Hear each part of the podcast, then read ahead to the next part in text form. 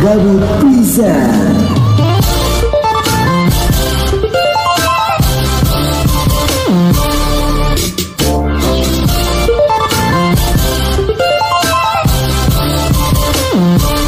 Gabut Podcast Available on Spotify Selamat pagi, siang, sore, malam, Pagi, guys. sore, malam, guys.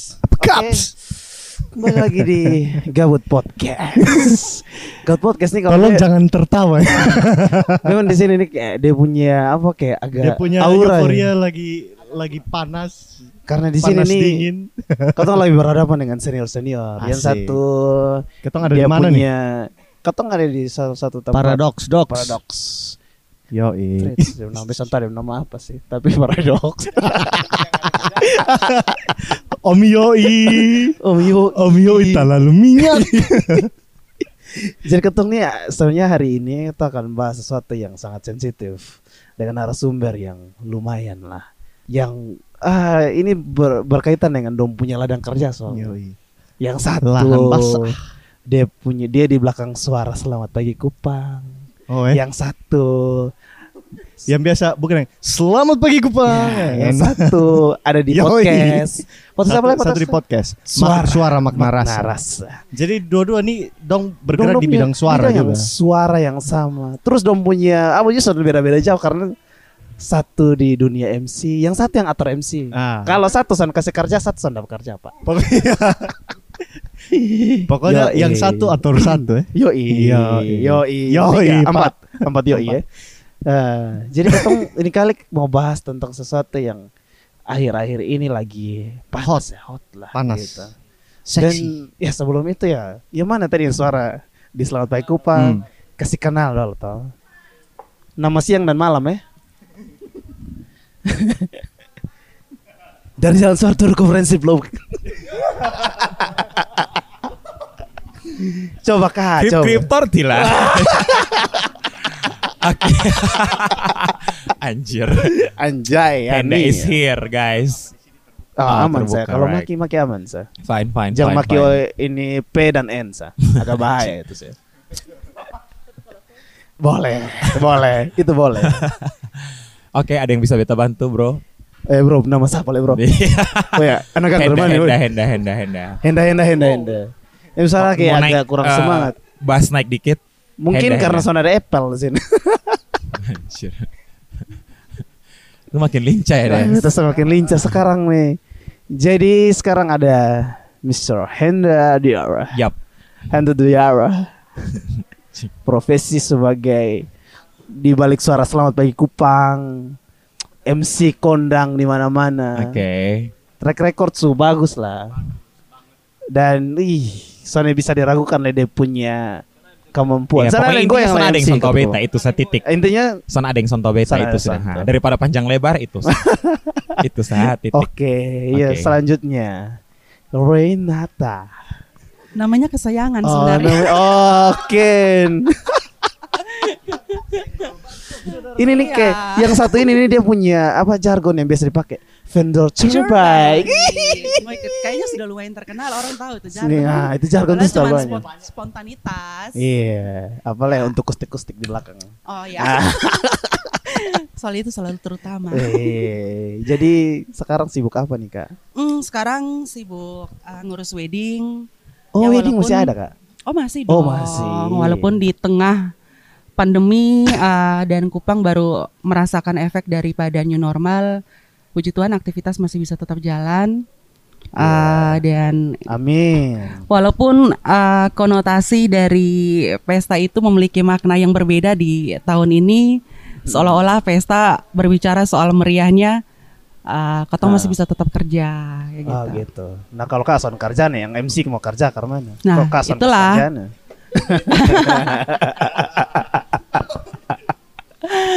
Jadi ya sekitar tujuh bulanan ini memang banyak yang itu sudah jadi cobaan lah.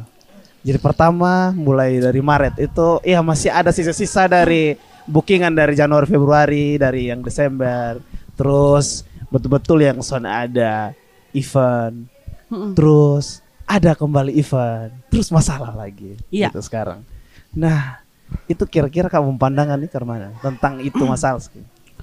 Kalau bicara mengenai awal pandemi itu kan Kotong dari awal tuh soalnya pernah expect kalau uh, corona ini bakal masuk Indonesia. Soalnya kan dari kalau lihat pemberitaan di televisi pemerintah pun sempat meyakinkan dengan beberapa statement yang agak-agak gimana ya. Sampai kemudian sekitar Januari uh, mulai bermunculan. Sehingga di Maret itu paling kena sebenarnya. Uh, kita di Kupang ini sebenarnya hampir seluruh Indonesia kalau nggak salah waktu itu ya. Iya. Tapi Kupang agak di Hmm. apalah paling ringan lah karena memang orang bilang juta aku masuk Kupang. Karena memang ketemu punya hitungan apa namanya eh, apa orang kota Kupang ini kan sebenarnya terlalu banyak dengan kota-kota besar. gitu. Mm-mm. Dan ya dan toh terjadinya pandemi atau COVID di kota Kupang juga memang karena kluster perjalanan. Iya. Jadi orang yang dari luar yang masuk ke sini itu baru mulai ada tuh gitu. Terus uh, mungkin kayak sekarang ini kan lagi apalagi kayak yang kemarin kemarin itu ada masalah yang bilang orang sudah mulai berpikir kalau COVID itu masuk di saat sekarang nih ya kayak pesta-pesta. Hmm. Terus ada yang bilang terlalu banyak pompa nah. Makanya masuk tuh dari situ. Terlalu banyak bikin acara nah. Aduh, Nah itu tuh seolah-olah ini Kak Domu Profesi ini dipermasalahkan. Itulah. Itu pandangan dari Kak atau Henda? Mungkin Henda dulu Henda ya. dong saya. Oke. Jamare ketemu sorong. Ini memang podcast tergabut 2020. The meaning of gabut. Jadi sebenarnya tadi eh, Kak eh, Epen sudah jelaskan kalau misalnya ketong so, so far sampai sekarang memang beta dengan Epen bekerja di dunia yang sama. Yes. Cuman karena memang uh, tupoksi saya yang beda-beda. Epen di bagian jasa dan lain. Beta juga sebenarnya sama. Cuman beta yang lebih kayak dunia entertain dan lain-lain. Terus tadi kalau misalnya bilang kalau banyak yang nganterin. Iya, yang berjual. Wow, bisa mau Oh, short iya. time or long time. Ah, Bebas. Kayak beda lah, tergantung tergantung jam terbang sebenarnya ya, dengan dan servis. Yes, setuju bisa dibilang seperti itu. durasi. Pokoknya mana yang lebih bermakna itu yang Ah, lebih berasa. Oh itu sarah makna ras. Eh, Ya itu. masuk masuk masuk masuk. Benang merah tadi ke mana kak bisa lupa. Jadi dia punya benang merah tadi tuh s- kan ah, seolah-olah tuh orang berpikir kalau COVID di Kota Kupang tuh karena pesta, Hmm. karena adanya wedding, karena ada Kak Henda ya MC di Hmm, mana-mana. Oke. gitu. Misalkan, Hmm. bukan soalnya kasih salah MC-nya, tapi orang lebih eh, mempermasalahkan tuh pesta di Kota Kupang yang menyebabkan penyebaran virus corona di Kota Kupang ini mulai merebak kayak gitu.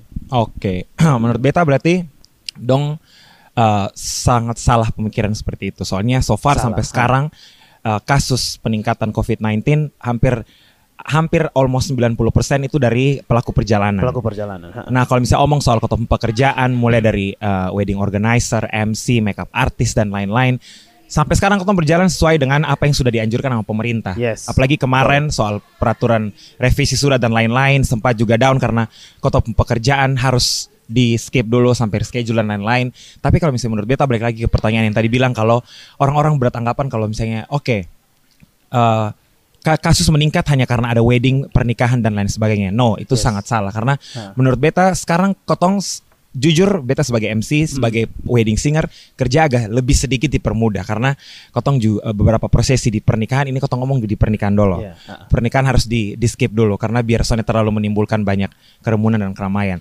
Jadi Ha. menurut beta itu salah buat orang semua yang mungkin lagi dengar ini podcast kalau misalnya bilang kasus meningkat hanya karena pesta dan sebagainya. Toh sekarang pun kotong sama-sama dari pihak wedding organizer pun keluarga sama-sama untuk tetap jaga Yes. uh, ikut physical distancing betul. dan lain sebagainya. Bahkan sampai kalau misalnya ini ngomongin soal wedding kalau misalnya di gedung atau indoor satu orang pun pakai masker, soalnya pakai masker itu acara son jalan. Jadi ya tetap kotong sama-sama ikut Hmm. aturan pemerintah untuk physical distancing. Jadi salah kalau misalnya bosong bilang kasus meningkat hanya karena uh, acara wedding dan spesifik bosong ngomong soal wedding. Jadi Oh, salah. Iya. Ketong coba tarik ke belakang ya. Ketong tarik ke belakang. Ini nih kan masalahnya semua adalah dari anjuran pemerintah atau eh, satu peraturan yang dari pemerintah yang kasih gitu. Hmm. Jadi kayak adanya corona akhirnya pemerintah ambil eh, satu keputusan untuk PSBB. Oke. Nah, kalau di luar itu kan orangnya masih nurut tuh PSBB orang Hmm. masih takut tuh. Tapi kan karena uh, notabene di Kota Kupang sini dia punya kasusnya sedikit yang dikasih keluar atau dikasih tunjuk di masyarakat kalau eh di Kota Kupang ini sedikit. Nah, itu tuh kan yang menimbulkan uh, masyarakat Kota Kupang tuh lebih ke ya sudahlah karena kok lebih santai Iya. dengan keadaan yang sekarang. Iya. Menurut Kakak Henda sebagai pelaku yang akhirnya kan itu kan dia punya apa impactnya ke ya karena be pikir di Kota Kupang masalah kecil ya be mau bikin orang be mau bikin pesta be mau bikin Oke. be mau bikin beta mau nikah be mau saudara mau nikah atau Ya. bikin soal gitu Ya. Nah, dia menurut Kakak Henda tuh eh, dia punya masalahnya di keputusan pemerintah atau Eh, Oke. Bet- awalnya kan bisa kan ada dua ini dua-dua pilihan tuh. Seperti di Wuhan langsung lockdown, Hmm, tapi ketemu ada total. istilah baru PSBB Ya. gitu. Menurut beta, beta sebenarnya bisa salahkan pemerintah, salahkan siapa-siapa, tapi menurut beta pemerintah khususnya di Kota Kupang agak sedikit eh, tarik ulur untuk aturan. Hmm. Jadi eh, apa ya? Maksudnya kemarin satu tarik ulur, satu agak sedikit terlambat untuk eh, peraturan sampai bahkan kasus sampai meningkat seperti sekarang dan sampai hampir dekat eh, zona hitam. Karena kemarinan oke kasus yang terlalu banyak dan lain sebagainya terus tiba-tiba membeludak pecah langsung kasus meningkat hanya karena eh, pelaku perjalanan. Pelaku Akhirnya perjalanan. ada beberapa surat yang harus diganti lagi, revisi harus uh, PSBB. Seperti yang kau tahu kalau misalnya PSBB beda arti dengan lockdown. Betul. Kalau lockdown kan semua aktivitas diberhentikan. Kalau PSBB sudah ada. hanya beberapa aktivitas. Jadi menurut beta ya besok bisa menyalahkan siapa-siapa. Menurut beta personal Iya. pemerintah agak sedikit tarik ulur soal peraturan yang dikeluarkan sekarang bahkan soal kemarin surat yang direvisi ada acara-acara yang harus di stop berhentikan semua akhirnya direvisi lagi untuk surat-surat oke acara-acara tetap dijalankan tapi tetap uh, protokol ketat dan uh, tamu undangan dibatasi semua. Jadi menurut beta ya satu itu karena memang pemerintah agak sedikit tarik ulur dan kembali lagi Kotong tetap untuk ya namanya Kotong sebagai masyarakat yang baik harus tetap ikut aturan dari pemerintah. Untuk ke depannya Ya, pasti lebih baik. Beta personal kayak begitu. Eh, begini, beta mau ngomong tadi. Kan ini kan masalahnya kan sebenarnya sekarang kan lebih ke orang yang perjalanan ke Kupang. Oke. Biasanya di Kota Kupang nih kan notabene kalau pernikahan ada acara adat apa segala macam Hmm. harus berkumpul tuh semua keluarga yang dari luar-luar datang. Ya. Nah, kira-kira dengan keputusan ya kan awalnya kan eh, bandara dia punya eh, apa namanya pelabuhan segala macam kan ditutup, Hmm. tapi akhirnya toh dibuka kembali. Ya. Terus, nah, yang alasannya kemarin kalau yang beta lihat itu, yang satu yang karena covid itu dia tuh datang ke Kupang tuh karena ada acara acara weddingan eh, nikahan dia punya saudara Dari Nah, luar. itu tuh, dari luar Hmm, daerah dia datang hmm. untuk dia punya pernikahan dia punya saudara Oke. gitu. nah itu tuh yang memunculkan eh, apa namanya bikin kalau orang bilang nah masalah di kota Kupang itu tuh dari acara nikah acara segala macam karena itu masalahnya Oke. tapi kan katong orang Kupang ini kan lu dengar tadi kisah dari orang lain, saya dong bisa bilang, oh dong Banyak bisa judge. spekulasi langsung pokoknya. spekulasi banyak Ya. dan bisa langsung ngejudge itu Ya. gitu. Pernah kok soalnya kalau di event-event gitu sebagai MC yang Hmm. berkomunikasi dengan orang-orang yang datang, pernah kon katong kasih ingat tuh, ya kalau bosong ada baru pulang atau penging- mengingat tentang eh ya, apa lah maksudnya kayak bahayanya COVID-19 Oke. menurut Bosong sebagai MC itu Bosong pernah ke sana kasih sounding untuk orang-orang. Ke- per- iya, tu- eh, personal beta MC. Hmm. Tugas MC adalah uh, ikut rundown acara biar acara tetap berjalan dengan lancar. Nah, kalau kotong MC Sony mungkin tahu siapa-siapa yang datang di itu acara dia sebagai pelaku perjalanan. Contoh mungkin dia uh, apa namanya dia stay lama di Kupang atau mungkin dia baru datang dari lain tempat dan lain sebagainya. Terus tiba-tiba dia pelaku perjalanan dia tidak uh, apa namanya self quarantine atau isolasi mandiri terus tiba-tiba datang pesta. Jadi kalau misalnya ditanya kotong MC, so far bukan hanya beta, mungkin semua MC yang bertugas mungkin bukan cuma di acara wedding, acara gathering kantor atau apa pun itu yang bertugas sebagai pemimpin acara atau leader, dia tetap tugasnya adalah mengingatkan untuk uh, tetap ikuti anjuran pemerintah untuk pakai masker selama acara berlangsung physical distancing. Walaupun kotong soalnya tahu dia pelaku perjalanan atau bukan, tapi tetap itu tugasnya kotong untuk mengingatkan atau reminder. Oh, oke. Nah, itu kan sudut pandang dari Enda sebagai MC. Oke. Nah, kalau untuk dari KFP nih, eh KFP dari biasanya dari uh, work, maksudnya job desk-nya sebagai apa biasanya? Wedding assistant. Kalau sekarang ini kan eh, mengenai job wedding assistant kita bukan hanya sekedar menerima pekerjaan dari bridal. Ah, Kadang ada klien yang uh, lebih sering dan lebih nyaman untuk langsung kontak kayak gitu baik dari Instagram, dari kenalan yang udah pernah pakai kotong pun jasa gitu loh. Ya memang mengenai isu PSBB ini walaupun di jilid 2 uh, tidak belum terlaksana, mm-mm. Kotong juga tetap mewanti-wanti kepada klien mengenai protokol pemerintah ketika acara wedding itu dijalankan di rumah, di gereja ataupun bahkan di gedung. Kotong sebagai pihak uh, wedding assistant ataupun wedding organizer, wedding planner maupun wedding konsultan lebih nyamannya dan lebih aman Kotong menyarankan agar wedding itu tetap dilaksanakan di gedung.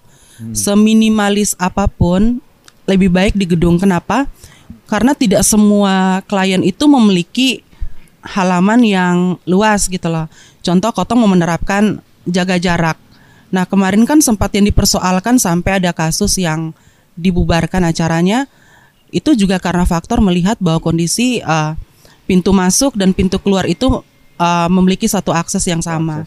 Itu yang pertama, yang kedua jarak kursi dari tamu yang satu ke tamu yang lain juga sangat berdekatan. Sedangkan itu juga sebenarnya kalau kita balik ke protokol itu sudah menyalahi aturan.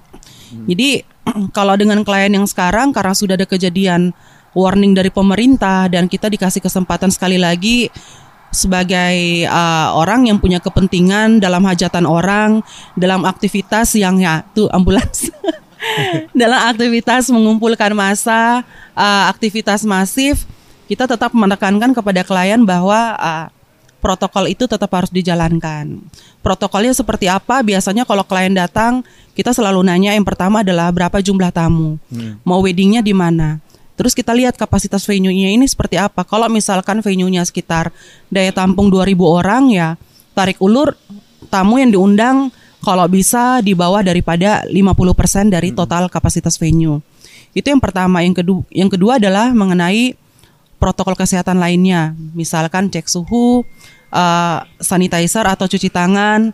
Terus yang jaga buku tamu pun uh, disarankan untuk menulis nama-nama tamu dan tidak membiarkan kepada tamu untuk menulisnya sendiri.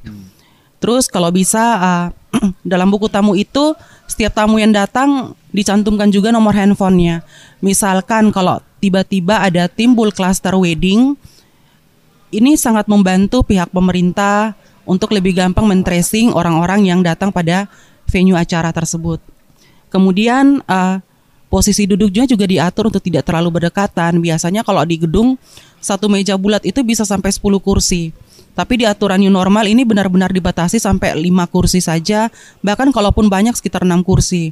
Dan Kotong selalu menghindari namanya penambahan peks di hari H. Jadi sudah tidak ada lagi istilah beta sana tahu wedding organizer lain tapi kalau dari beta punya beta sudah warning beta ataupun dari gedung tidak melayani namanya penambahan peks di hari H. Kalau misalkan kita sudah fix undangannya cuman untuk 500 orang ya cuman untuk 500 orang. Terus mengenai penjagaan di meja makan, itu kalau bisa ada panitia keluarga yang berjaga-jaga dengan hand sanitizer dan juga sarung tangan plastik untuk memberikan kepada tamu yang hendak mengambil makanan prasmanan yang sudah disediakan. Sesi foto pun kita atur. Yang naik ke atas panggung tidak boleh lebih daripada 10 orang. Dan wajib menggunakan masker. Boleh dibuka hanya untuk kepentingan foto. Tim wedding organizer juga maupun tim fotografer tidak menerima titipan handphone dari tamu yang sekedar nitip untuk mengambil gambar pada saat itu. Sebenarnya banyak protokol yang kita jalankan uh, sudah mulai dari kemarin-kemarin, cuman karena ya ini sebenarnya kalau kita bicara soal aturan dari pemerintah sendiri pun kalau menurut beta opini beta ada ketidaksinkronan antara pemerintah kota dengan pemerintah provinsi. Sampai kemudian ada surat yang direvisi uh, dari pemerintah kota merasa bahwa ini wilayahnya mereka uh, perlu adanya pembatasan dan sebagainya. Sampai kemarin ada isu bahwa yang namanya wedding itu akan ditutup. Kemudian ada surat dari Sekda provinsi. Kalau Kotong berbicara hukum, aturan yang ada di bawah tidak bisa menggantikan aturan yang di atas. Tapi Lex- kemudian lex dua spesialis, derogat Ya, lex lex spesialis. Kemudian aturan pemerintah ini juga berbentrokan dengan maklumat Kapolri dalam hal batas izin keramaian. Nah ini akhirnya kita bingung. Ini sebenarnya aturan mana yang akan kita ikuti gitu loh. Karena mengurus hajatannya orang ini bukan sekedar uh, kita datang berpesta. Orang boleh bilang PSBB, pesta sonda barenti barenti. Padahal kalau kota mau tarik ulur sebelum adanya pandemi, bulan-bulan begini memang bulannya orang berpesta kayak gitu. Cuman karena memang kebetulan ada pandemi, jadi kayak konotasinya seolah-olah memangnya kalau sonde pesta bosong mati kok. Kalau beta boleh bilang ya kotong mati. Kalau misalkan orang boleh bilang Dalam konteks pekerjaan. dalam konteks pekerjaan, orang boleh bilang memangnya bosong son bisa cari kerja lain. Loh, sekarang gini mencari keahlian lain, mencari soft skill lain, membangun koneksi itu tidak serta merta kotong bangun dalam satu malam kayak gitu loh. Langsung kayak plek jadi. Sekarang gini operasional yang sudah jalan. Bagaimana dengan pajak yang harus kotong bayar? Terus sewa gedung barang-barang yang sudah kotong pre-order dari luar. Dan bagaimana pembatalan sepihak? Bagaimana dengan klien yang menuntut uangnya dikembalikan? Bagaimana misalkan beta waktu awal bulan Maret ketika ditutup pertama di tanggal 25 Maret itu beta ada klien yang sebenarnya wedding di hari itu dan harus dibatalkan di hari H. Nah ini lumayan membuat Kotong punya pekerjaan ini lumayan terganggu dalam artian bahwa mengkonfirmasi sekian banyak orang untuk Kotong son jadi pesta itu bukan pekerjaan gampang. Beta harus akui bahwa itu bukan pekerjaan gampang. Beta kemarin sampai muat status. Kalau sampai ada tutup, mau tegasin ya sudah tegasin itu satu arah, sejalan, plek. Tapi maksudnya tingkat sosialisasi ke masyarakatnya itu yang dipertegas. Bahwa mulai tanggal sekian misalkan. Kayak aturan pertama kemarin itu kan ada kayak misalkan tanggal sekian sampai tanggal sekian. Oke kita PSBB dulu nih. Nah betap maksud adalah seperti itu. Kalau memang misalkan harus ditutup pun ya uh, jangan sampai memperberat kotong punya pekerjaan Oke lah mungkin kotong akan berhenti sesaat, tapi bukan berarti kotong berhenti sesaat terus menimbulkan pekerjaan yang di luar dari kotong punya job desk yang menimbulkan resiko yang besar dan kotong sana dapat doi di situ. Ya. Nah itu yang beta sempat, maksudnya kayak sempat tegasin kayak kalau beta bilang wah ini sangat mengecewakan. Kalau misalkan orang bilang uh, klaster pesta Kupang bakal begini dan bakal begitu, oke lah, kotong boleh curiga, kotong boleh wanti-wanti. Karena memang ketika uh, corona masuk ke Indonesia itu pun dari festival sebenarnya. Acara dansa atau apa waktu itu beta kurang tahu. Cuman ya bukan berarti uh, kejadian yang di, di, di luar sana, walaupun kotong punya memiliki risiko yang tinggi, lantas kotong lang serta merta menimbulkan satu stereotip bahwa kotong selaku pekerja event ini adalah orang yang yang punya potensi yang sangat besar untuk menularkan orang. Padahal kalau kotong berbicara secara data, Kupang naik sampai angka sekian itu dari pelaku perjalanan.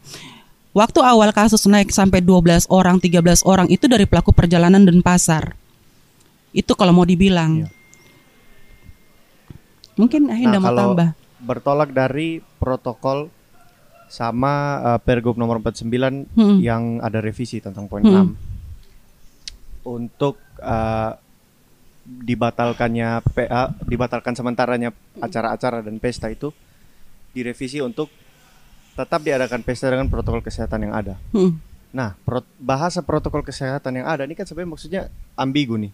Hmm. Entah dari dia punya aturan memakai masker atau apa dan yang beta muncul muncul pertanyaan adalah jumlah tamu. Apakah dari pihak pemerintah ada ada pembahasan dengan pihak-pihak WO untuk kayak misalnya ini batas tamunya ini mesti berapa? Karena kan ramainya pesta itu ditentukan dengan banyaknya tamu yang ada. Nah, Nah, kira-kira ini- ada soalnya koordinasi antara pemerintah dan WO yang membahas tentang itu, Son. Pasal 6 ini memang kalau mau dibilang nih sangat membuat kotong salah tafsir. Kayak contoh begini, tidak lebih dari 50%. Tidak lebih nih maksudnya 50% batasan batasan pastinya berapa persen. Terus 50% dari kapasitas venue. Dari kapasitas venue itu ketika dihitung semua Banyak. tamu berdiri full penuh sesak ataukah 50% ini kota tarik ketika orang duduk satu meja 10 orang, enam orang atau bagaimana kayak dan gitu. venue pun kan luasnya beda-beda dan Ha-ha. akhirnya me- mengacu pada berapa banyaknya orang yang Hmm. bisa masuk di venue. Kelemahannya adalah kotong semua pelaku event wedding belum bergabung dalam satu wadah organisasi yang terakomodir. Kemarin kotong sempat buat Tempat ada tuh ya. sempat buat dalam sebuah grup, Grup. karena isu yang sempat dibubarkan kemarin. Kotong gabung, Kotong join. Waktu itu adalah tujuannya adalah Kotong membentuk satu simulasi yang Kotong bisa kasih rujukan kepada uh, pemerintah maksudnya. Dan pemerintah pun sampai sekarang masih menunggu mengenai pasal poin 6 ini akan diberlakukan seperti apa. Oke, mungkin Kotong pelaku event Kotong bisa tegas, tapi bagaimana dengan pemangku uh, yang punya apa ya? Kayak misalnya punya bukan pemangku wewenang maksud beta adalah yang punya gedung. Oh, Oke. Tidak semua klien itu kan nikah pakai WO. Mm. Banyak klien yang nikah di ngurusnya sendiri gitu loh. Ya gedung kalau namanya misalkan dia rasa bahwa oh beta bisa tampung untuk sekian persen, sekian jumlah tamu ya kenapa tidak? Kemarin waktu itu sempat ada isu bilang, oh gedung yang ini bisa tampung sampai 750 orang. Apakah efektif? Bukankah 750 orang ini kalau kotong bicara secara skala ini sangat besar. Kayak gitu. Nah, terus kemudian bagaimana dengan orang yang akan melaksanakan pernikahan di gereja? Pemberkatan saja misalkan. Beta kemarin waktu melayani salah satu klien yang wedding di uh, arah-arah atas lah. Takut soalnya itu di booking sama vendor lain. Itu penuh sesak Penuh ya sesak. ampun Tuhan. Itu kayak orang bayangin kayak gerejanya kecil, di dalamnya itu kayak ada mungkin ada mau perjamuan kudus atau Ah. gereja Natal. Bayangin itu dem penuh sesak tuh rasa-rasa kalau itu bukan gereja rasanya mau memaki tuh orang di dalam. Itu sempat Soalnya ada dibubarkan. aturan leh, Hah? Dibubarkan Sanda Sanda. Tidak dibubarkan. Cuman Kotong kan selalu warning bahwa ini di gereja harus sekian. Misalkan oke lah daya tampung gereja mungkin sekitar 50 kalau untuk new normal. Kayak contoh di BPM gereja sendiri daya tampung di dalam untuk aktivitas ibadah hari Minggu itu dibatasin hanya 200 orang. Itu kalau ibadah. Nah, untuk wedding bagaimana kayak gitu lah. Biasanya kan kalau di biasanya tahu ya gereja lain kalau di gereja Katolik kayak contoh di Asumta itu kan setiap kursi dikasih blok. Jadi satu kursi panjang itu paling tidak sekitar tiga orang. Nah kemarin itu kejadian beta lihat masih banyak gereja yang melayani eh, proses pemberkatan dengan tidak menerapkan hal seperti itu. Masih banyak yang duduk dengan tidak menggunakan masker. Terus sesi foto juga agak susah kotong atur karena di gereja itu kan sudah ada panggung kalau kotong sesi foto. Tamu sembarangan saja maju. Ya. Itu perlu diperhatikan. Terus kemarin juga masih ada yang isi sesi pujian kayak vokal grup. Lah, maksudnya kayak gini kalau ingin menerapkan suatu aturan semuanya harus sinkron. Baik dari lembaga keagamaan, dari pemerintah, dari pelaku jasa. Ya kan? Iya ya. Ya, kayak gitu. Maksudnya adalah kotong bisa ada punya satu aturan yang kalau bisa satu kali terbit keluar itu itu pasti. Oh, tamunya harus sekian khusus gedung ini. Oh, protokol misalkan untuk makeup artis harus segini, untuk MC harus segini, untuk tamu yang datang harus segini. Terus kayak bagaimana misalkan yang datang dalam sebuah venue acara itu ada anak kecil, ada orang yang di atas usianya 70 tahun. Itu bagaimana? Itu juga harus disiapkan kalau mau di, boleh dibilang itu harus disiapkan spot khusus. Tapi apakah kotong pun venue atau kotong punya orang yang melakukan hajatan ini sempat berpikir mengenai hal itu atau tidak? Sedangkan etika berpesta orang saat ini beta rasa attitude-nya masih sangat minim. Tanpa pandemi pun masih banyak anak kecil berkeliaran di acara weddingnya orang kayak gitu. Padahal mereka masuk dalam kelompok usia rentan. Itu yang perlu diperhatikan sebenarnya. Nah, Formal ya. Nah, ini pembahasan memang sangat-sangat sangat berisi, berisi, sangat deep dan gue menurut beta sih ini salah satu yang mm, sangat bermakna.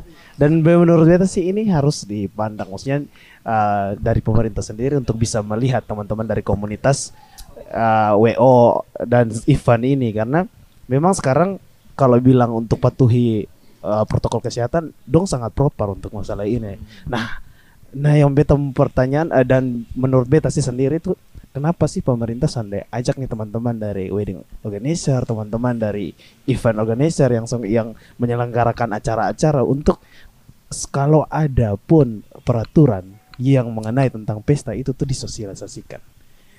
Disosialisasikan untuk teman-teman. Jadi kan teman-teman ini kan jadi untuk kayak jadi perpanjangan tangan dari pemerintah untuk kasih tahu di ini, masyarakat Kota Kupang nih kalau masalah tentang ini dan uh, apa namanya tentang peraturan-peraturan yang ada juga kan teman-teman bisa jadi perpanjangan tangan untuk kasih tahu nih ini peraturan ini ini ini ini. Dan juga bisa iya bekerja sama dengan pemerintah gitu. Dan kalau kayak menurut Hena sendiri coba uh, ini peraturan yang diturunkan ini menurut yang sekarang yang kasih turun ini ya menurut lu efeknya tuh untuk Bosong sendiri? Pi Bosong punya uh, Bosong punya pekerjaan selanjutnya dan ketakutan-ketakutan dari masyarakat Kota Kupang yang mau bikin event. Akhirnya kan dong merasa, ya beta parno lah mau bikin event. Terus, nah ini kan pasti kan langsung efeknya kayak bosong punya pekerjaan gitu. Mungkin pandangan lu tentang ini gimana? Oh, Oke, kalau misalnya ditanya soal uh, pikiran atau sonde pikiran, pasti semua orang pikiran ya. Kalau misalnya apalagi kotong, especially yang bekerja sebagai uh, pelaku seni dan semua yang bekerja di uh, bidang yang sama. Cok, sonde bisa makan kalau misalnya sonde ada tempat, sonde ada acara dan lain sebagainya. Terus kalau misalnya ngomong soal uh, peraturan pemerintah, ya seperti yang tadi kotong sama-sama bahas dan kotong-kotong sama-sama tahu dan sama-sama kotong harapkan. Mending betternya itu adalah satu pintu. Jadi entah dari Pemprov, dari Pemkot, semua peraturan yang sama. Sebelum itu mungkin sosialisasikan juga. Biasanya tahu mungkin uh, Epen bergabung di grup yang sama juga Sonde. Cuman ketong uh, pelaku seni, ada uh, MC, terus pokoknya banyak semua. Yes, Papri. Beta lupa deh nama kepanjangan apa. Cuman itu Papri. Uh, pencipta lagu. Pokoknya banyak semua di dalam. Ya, itu oke. Mungkin oh, oke, mungkin itu kepanjangannya. Umumnya seperti itu. Cuman eh, dong sudi di sudi bentuk sekarang, mungkin sekarang barulah tersadarkan karena dimulai dari dimulai dari Covid ini. Terus akhirnya sudah mulai dibagi di plot-plot mulai dari MC dan lain sebagainya juga. Mungkin sudah jadi eh, wadah yang betul-betul akhirnya diperhatikan oleh pemerintah.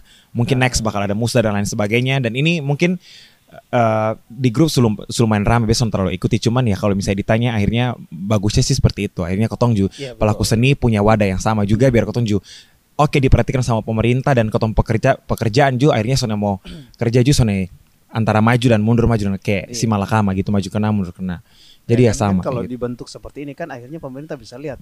Nah kalau pemerintah lihatnya uh, masing-masing WO, masing-masing MC dengan sendiri-sendiri kan, Hmm. dong mau kasih tahu ini nih mau ke siapa gitu. ya Nah kalau dong mau pisah satu-satu kan sudah mungkin juga. oke gitu. Jadi memang, waktu lama um, dong butuh dari teman-teman juga ada satu komunitas yang bisa dong sampaikan secara ya katong buka forum nih katong mau omong pikir eh katong uh, berbagi katong Saling sharing. saling sharing gitu Hmm. pemerintah maunya apa dari teman-teman dari teman-teman dari Hmm. apa juga event juga maunya, Maunya apa seperti apa, Jadi cari solusinya cari solusi sama-sama Ya. kayak gitu dan kemudian mungkin kalau misalkan gitu kan ini kan sekarang sudah ada uh, PSBB istilahnya jilid dua lah oke gitu.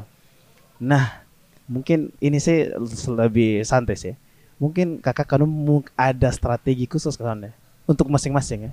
untuk menghadapi Nah, apa dulu Menghadapi ini PSBB yang kedua ini. Ah. Mungkin ada mau lari uh, usaha mungkin Oh, oke. atau apa. Mungkin ini keluar dari yang tadi ya, kan sudah terlalu yang Hmm, jujur uh, kan leher tegang ya. Oke, Nah. kayaknya tadi lu masuk terlalu Betul, lumayan terlalu tegang. terlalu lumayan serius ngomongin Jadi soal peraturan dan lain sebagainya. Lebih santai tuh mungkin Oke. seru-seruan mungkin Sip. Hmm.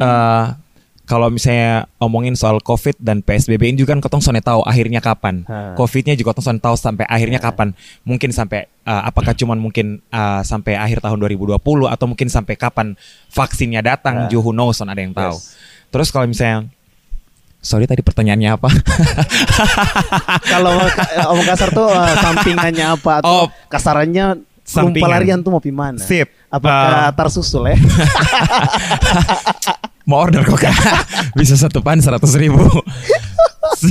Menurut menurut beta eh, lu jadi orang yang eh, sonde gila hanya karena ini covid 19 saya sangat sangat cukup. Nah. jadi Susan jangan terlalu berpikir panjang untuk lu mau tambah lu pun soft skill kembangin everything tentang itu semua. Menurut beta itu eh, punya effort yang bagus. Jadi menurut beta ya kalau misalnya lu uh, pengen punya usaha yang lain untuk tambahkan dong penghasilan ya why not? Soalnya Yes, bisa dibatasi. mau dari kotongnya MC atau mungkin dari WO dan lain sebagainya. Tapi ya pahit-pahit jangan sampai kayak gitu. Akhirnya kotong pekerjaan semua harus dibatasi. Betul. menurut beta sih seperti itu. Kalau misalnya lu bisa melakukan atau lu punya soft skill lain sebagainya bisa menghasilkan uang ya why not? Soalnya ada larangan sebenarnya. Menurut beta sih untuk teman-teman pasti sudah ada tabungan lah. Ya. Dan sama kalau jadi anak muda yang anak anak Ya, muda yang kalau- sekarang pasti sudah berpikir ke depan. Karena Soalnya tapi bukan jakustik jadi beta punya Ivan. Oke ini Sony bisa potong titik. Ini bisa potong. Oh, tidak ada potong-potongan Ini sini. sensor. Tidak. Nah, kalau kalau dari KFN apa GWS bulan Oktober tiga tiga event batal. Oktober nih anjur, Mbak. Kalau dari KFN Karmana, apakah mau ikut ke Henda jual tersusu? Sebenarnya begini, kalau kotong kalau beta berbicara secara personally ya mengenai beta. eh, Yoi, kalau boleh dibilang sebenarnya kalau wedding ini dulu be cuman main-main sa. Karena beta pun punya aktivitas lain yang beta jadikan itu sebagai be sumber penghasilan pertama. Cuman sekarang akhirnya kok jadi kebalikan kayak wedding jadi uh, suatu hal Source yang paling income. penting, ha, yang jadi prioritasnya beta bahkan yang satu ini akhirnya jarang ini beta ini kembangkan lagi gitu lah. Hmm. Jadi kalau misalkan wedding bakal ditutup ya mungkin beta akan kembali ke BEM dunia yang lama yang Dunia mungkin yang- masih dunia yang ya dunia yang kelam. Ini tidak akan dipotong Iya. saudara. ya, jadi yang mau dibiayain tolong, Tolong. di DM DM. Instagram saya gitu lah. Mungkin biaya sekolah, uang kampus, uang beli gitar. Woi. Uang uang beli sound card Gabut Podcast. Ada yang mau funding jadi sponsor boleh. Cuman memang uh, sebenarnya sisi positif dari pandemi ini dari COVID uh, membuat Kotong lebih kreatif. Kalau boleh dibilang sebenarnya kan di Kota Kupang ini banyak orang yang sangat kreatif, tapi Sone memiliki inisiatif untuk mengembangkan apa yang dong punya. Ketika orang di luar sana sedikit-sedikit udah mulai uh, nge-podcast misalkan, udah mulai nge-vlog, Kotong malah menyindir, mencibir. Tapi akhirnya sekarang dong yang paling berada di rating teratas gitu. Karena di Covid ini kan ketika PSBB semua ditutup, orang lebih banyak aktivitas di rumah. Lantas kalau di rumah lu ngapain kalau bukan streaming? Ya toh? Betul. Ya selain tidur? ya kan? Contoh ibadah saja. Ibadah ibadah yang Coli anjing. ibadah itu kalau kalau kotong mau bilang ritual yang kemudian divirtualkan. Itu Eh. awal-awalnya juga Yoi. banyak orang yang protes.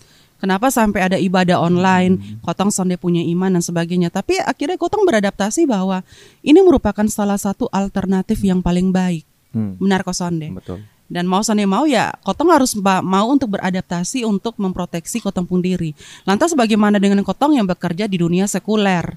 Ya berarti kotong misalkan kayak contoh bosong punya bakat ini nge-podcast.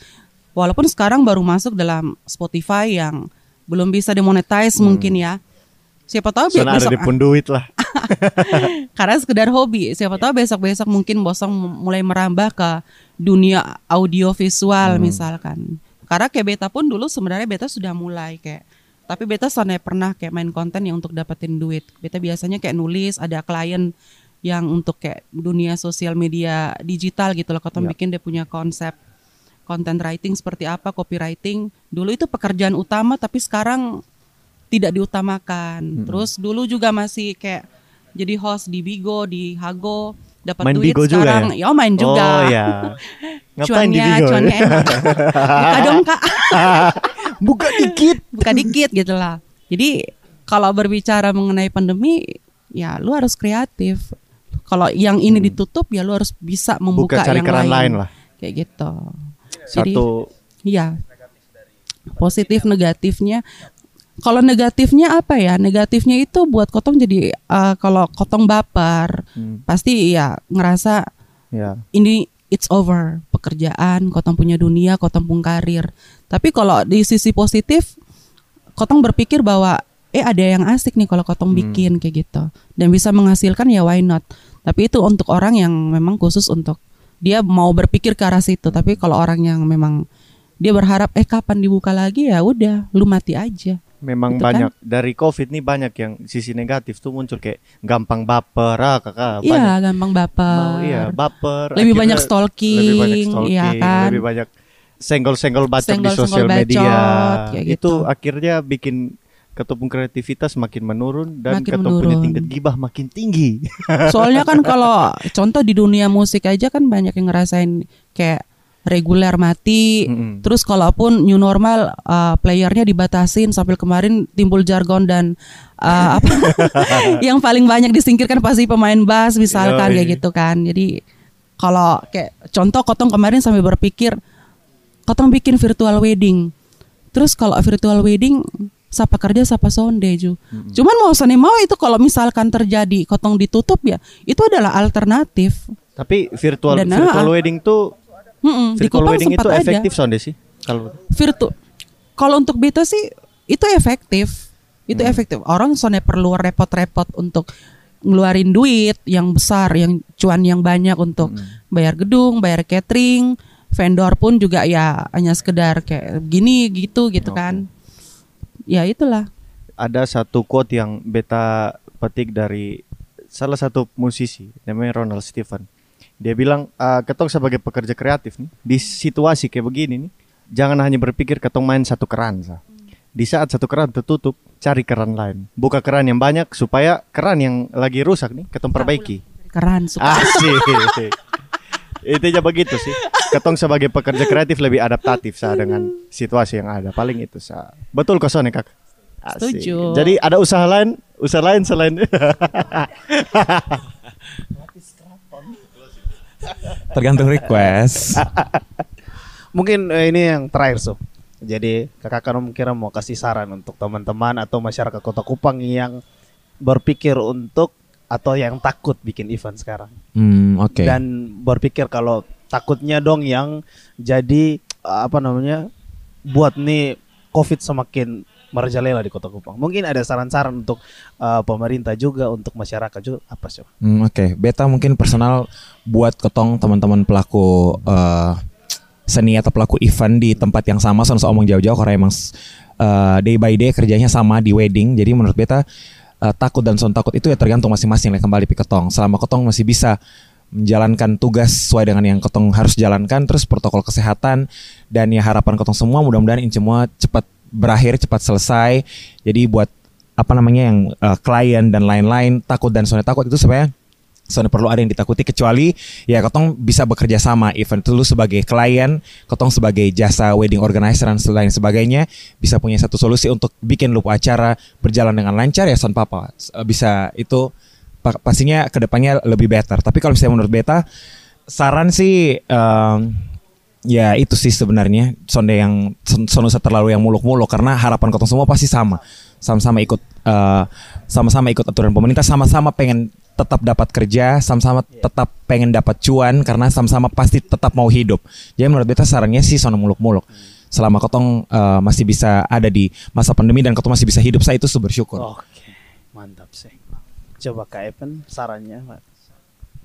Eh, kalau saran dari beta sih beta palingan kalau soal pemerintah kan tadi beta sudah omong eh, ketong perlu untuk duduk bersama berbincang mengenai regulasi dan protokol yang tepat yang harus dijalankan tanpa ada option kayak misalkan oh ini optionnya satu-satunya lu harus jalankan ini tek oke jadi kayak untuk menyelamatkan semua son- sonnya perlu ada namanya titik tawar menawar kayak gitu loh.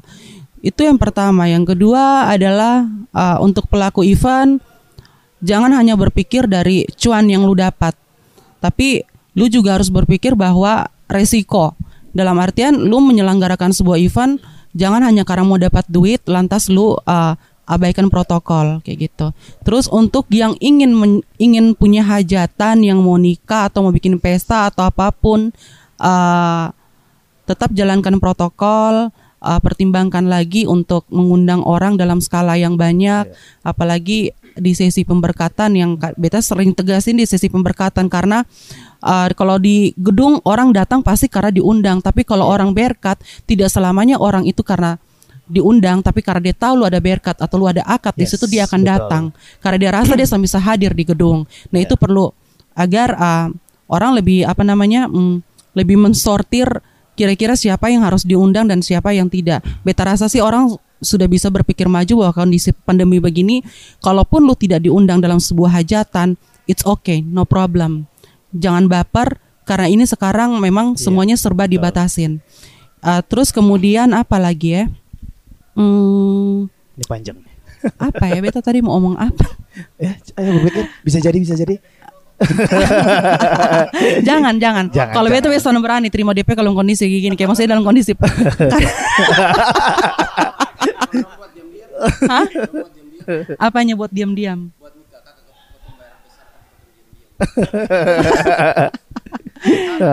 Penjara. Jadi ya kalau kalau dari beta ya secara garis besar sih seperti itu, taati protokol dan uh, kotong pelaku event pun jangan hanya menaati protokol ketika lagi berada di luar rumah, Tapi kalau bisa di dalam rumah pun seperti itu, Iya, apalagi betul. kalau misalkan kotong sayang dengan kotong pun keluarga, kotong punya orang tua, kotong punya adik, kotong punya ponakan di rumah.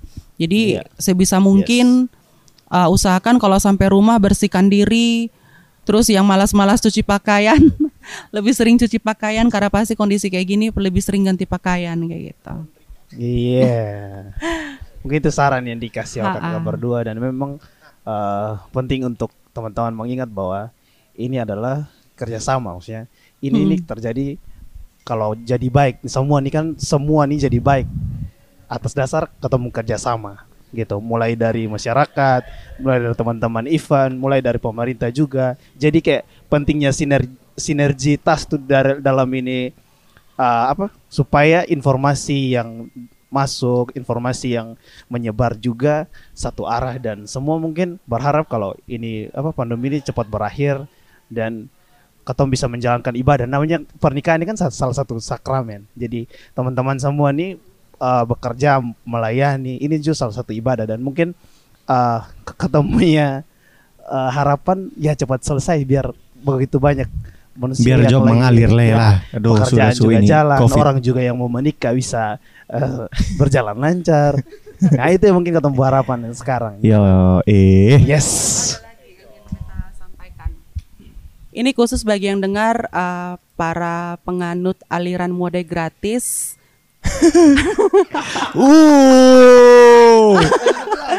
Karena ini sering terjadi. Yes. Hanya berbekalkan sebuah tautan yang tidak bisa dipertanggungjawabkan kebenarannya dan Hmm. wartawan yang membuat headline berita demi sebuah konten untuk menarik viewers, menarik uh, para pembaca.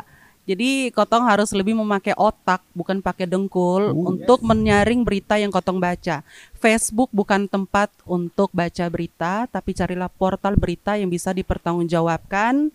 Apalagi kalau misalkan kalau Kotong mau cari data di Facebook sudah ada Pusdalops ya untuk rilis data terbaru mengenai kondisi COVID. Gitu Sasi. Sip, mantap. Jadi yoi yoi. Jadi kayaknya ketong pembahasan su cukup ini lah. sangat-sangat berisi Ini sudah sangat- lumayan lama. Lampu-lampu sudah mulai dipadamkan. ya Ya, mungkin ya Nah, pokoknya begitu selesai Sa. di sini, Intinya teman-teman. saran-saran yang tadi sudah mudah-mudahan pidapan nanti corona bisa selesai supaya kata keran mulai terbuka-terbuka kembali bisa Amin. bayar cicilan-cicilan kita masing-masing. bayar DP.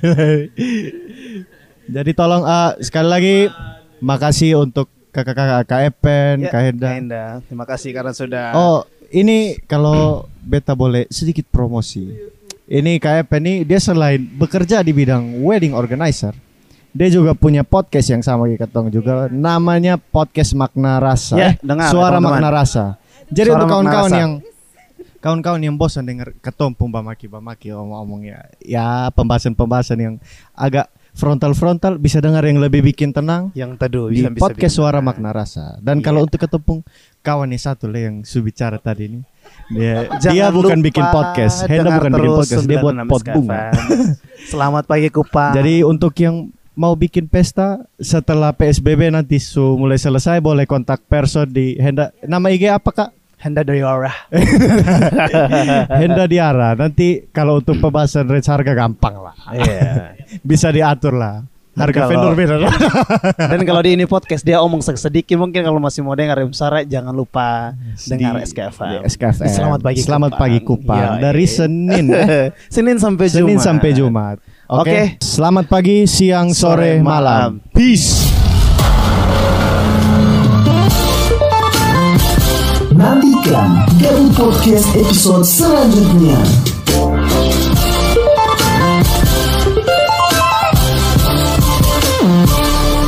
Podcast available on Spotify.